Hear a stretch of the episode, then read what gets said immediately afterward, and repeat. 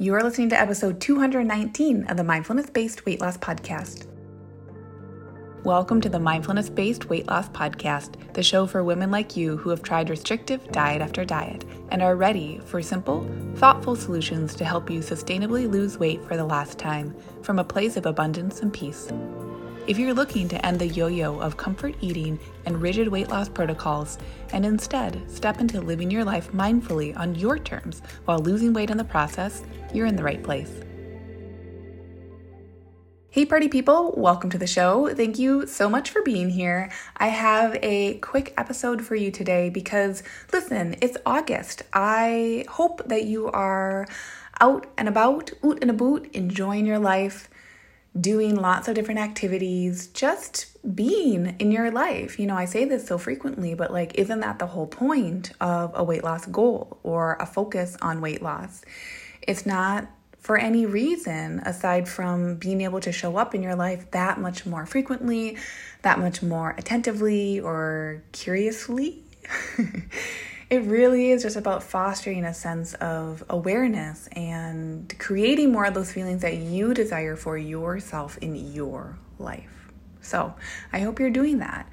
It's been lovely weather everywhere I've been traveling. So, if you are newer to the show or you haven't listened to the last couple episodes, over the last few weeks, my um, Tim and I, my boyfriend and I, we have been traveling from Portland to Minneapolis to Michigan and all places in between. So I'm back in Minneapolis for just a handful of days, and then we hit the road again and we go back to Portland.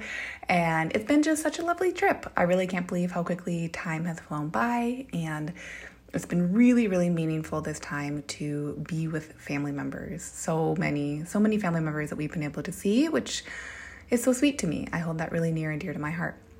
On today's episode, like I said, it's a quickie, it's a shorty, but a goodie because I just I want this episode to be instead of me like teaching you something or educating on something, I just want to like tell you that by and large, I, I think like as I continue to coach weight loss, as I continue to work with more clients and continue to see clients of mine and their journeys over time, over at this point, years. I've, I've worked with some clients for years. We have touch points. I get to hear from them. They're alumni, they self graduate, but like I still get to hear from them, which is also super duper special to me.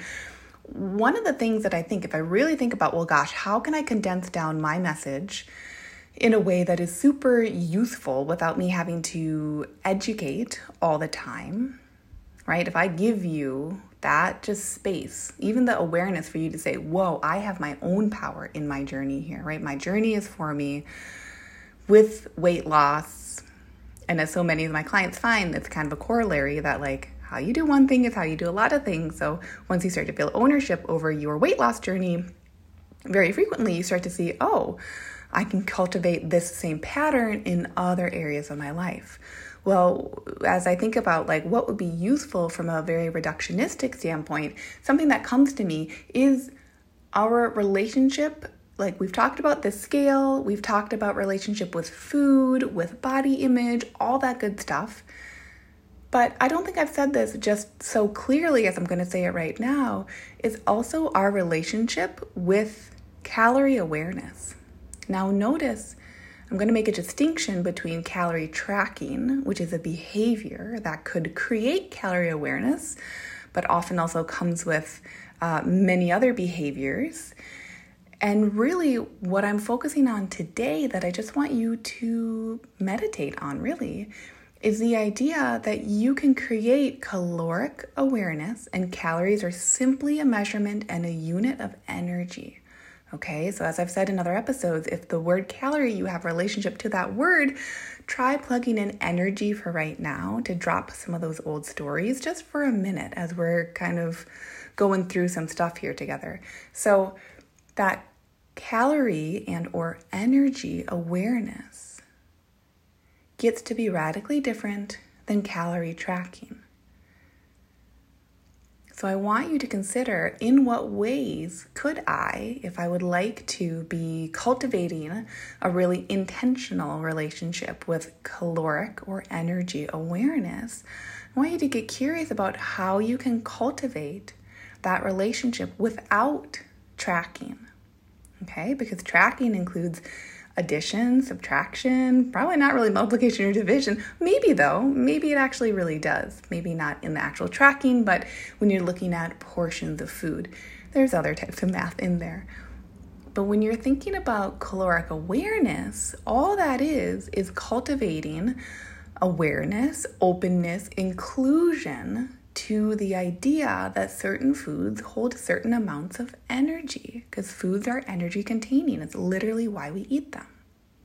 And so, without giving you assignments or homework or good ways or bad ways to do it, because truly, you know, the course I run is lean and liberated, a big part of weight loss is in that self liberation. And so, I can give some basic structures, which you recognize at this point, hopefully, that that's what we do here on the show. But what can be most useful this week is I want you to be mulling over and thinking on and noticing, gosh, if I'm not feeling like I have ownership over my weight loss journey, where is it that I could create more calorie awareness?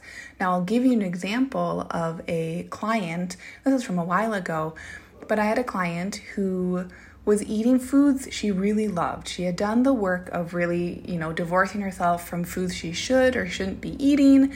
But she had a moment where she had a friend of hers who was eating a very specific style. It was a style someone else had given this woman, this friend, and my client noticed some feelings around that like, oh my gosh, maybe I should eat in the way that this friend is eating because the friend is saying she's getting weight loss results very quickly.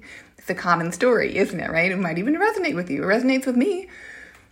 But so, what my client and I were able to chat through was that it wasn't about the quality or the certain types of food that she could create some awareness around. Instead, we started to really get curious about the foods she was eating and the awareness of both honoring her choices, right? Like all the work she's done and has put into enjoying her food, savoring her food, loving her choices. Then, from there, with that really solid foundation of love, we were able to then shift and notice okay, I wonder where I, and this is the client, I wonder where I could get curious about the awareness of calories that I'm consuming. And here's what's so beautiful once we do this work, we stop defaulting into restriction and scarcity. Okay, so this conversation got to be so fun between my client and I, where we really started to notice as we are you know, she was just describing a basic day of eating, what she noticed and what got to be so simple for her. And now this might not be simple for you. I can't tell you, it might not be easy. Everyone has their own journey, and you just get to honor the journey for what it is. But what she noticed is that in general, when she was cooking her meals, she was using about a quarter cup of olive oil. And so we got really curious about the energy that's in within olive oil. And we got really curious about how much olive oil is aligned with her values, right? And from that place alone, she was able to come to a spot where she could say, Oh, yeah, the amount of olive oil I use at my meals, whether it's a dressing or for cooking or what have you, that is a simple place I can tweak because of what I value and how I approach my food from my values. That is a simple, straightforward, and loving choice for me to shift the amount towards an amount that I value. And now, look we're getting rid of the all or nothing thinking because we didn't go and say, you gotta cook without olive oil. You gotta, you know, saute in water. Some people might value that, but my client, this client in particular, didn't. This client in particular, we were able to uncover from this loving place oh, it's simply a shift in the portion of olive oil that is required to cook my food. And I just wanted to share that story with you because I think it can be a concrete way to root into some of these intangible concepts of really noticing okay, as I'm looking around at what I'm consuming, the food I'm around, what, what choices I'm making from my place of ownership, another route that that ownership can then shift into is also the ownership over the energy intake without having to track. Do you, do you see the difference here? We're not tracking total amounts, but we have awareness in general. And so, in general, if someone's looking for weight loss, in general, over time, with more consistency versus less, it doesn't have to be the same every single day. There's no macro counting here. In general, over time, with more consistency than not, if we're eating under the energy requirements that our body asks for daily, our bodies will lose weight.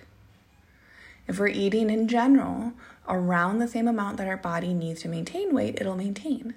And if we're eating in general the amount that is above what our bodies require, then over time they will increase their weight. Now, I don't say this again to, to do anything except create transparency. Because, again, as I mentioned at the beginning of the show, I do think that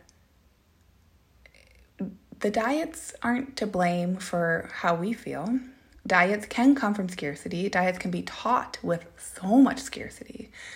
But if you've been around the block with dieting, then I just have a sneaking suspicion that what might actually be the next wonderful step is shifting from the diets know better to, oh, I actually have the answers, not only within me, but like truly within my behaviors and how I'm going about my day. I want you to consider, like, this week, if you want to put on your detective cap and get curious, like, yeah, what do I observe this week? What is my awareness this week? And if we practice the skills of awareness and we practice the skills of curiosity, of being inquisitive, that, my friend, can for for tons of us, for so many of us, go much further than the good food list, bad food list, eat this, don't eat that style of food behaviors because it starts to shift our entire perspective. Just like my client example that I shared a couple of minutes ago. There's no dialogue around whether olive oil is good or bad. Who cares? It's not the point. All we know is that my client enjoys olive oil, and we easily identified through caloric awareness about where something might be within her daily behaviors and weekly behaviors that she could easily make a tweak that added to her values versus taking away from her values so that she had more clarity, more ease, and more enjoyment of her weight loss process, which will directly translate to when she's at a weight that she desires to maintain, that will directly translate to her maintenance you catch my drift? So, that's today's episode for you. Go out, get your detective cap on, get curious about building your caloric and or energy awareness. And I will see you on next week's episode. And BT Dubs, if you've been curious about joining Lean and Liberated, I encourage you to shoot me a private message and chat with me because I'm enrolling for the fall right now and I'd love to work with you so we can take the type of work that we do on this podcast and go that much more deeper so that you too can be losing weight at the pace you desire for yourself that adds to your experience of life instead of takes away and that helps you create a life and a set of behaviors in your life that you truly enjoy and that you will continue to foster and take care of because that's how the diets end, my friend. They die. and we get rid of them, we divorce them from the inside out. So if you like that for yourself, I encourage you to reach out to me.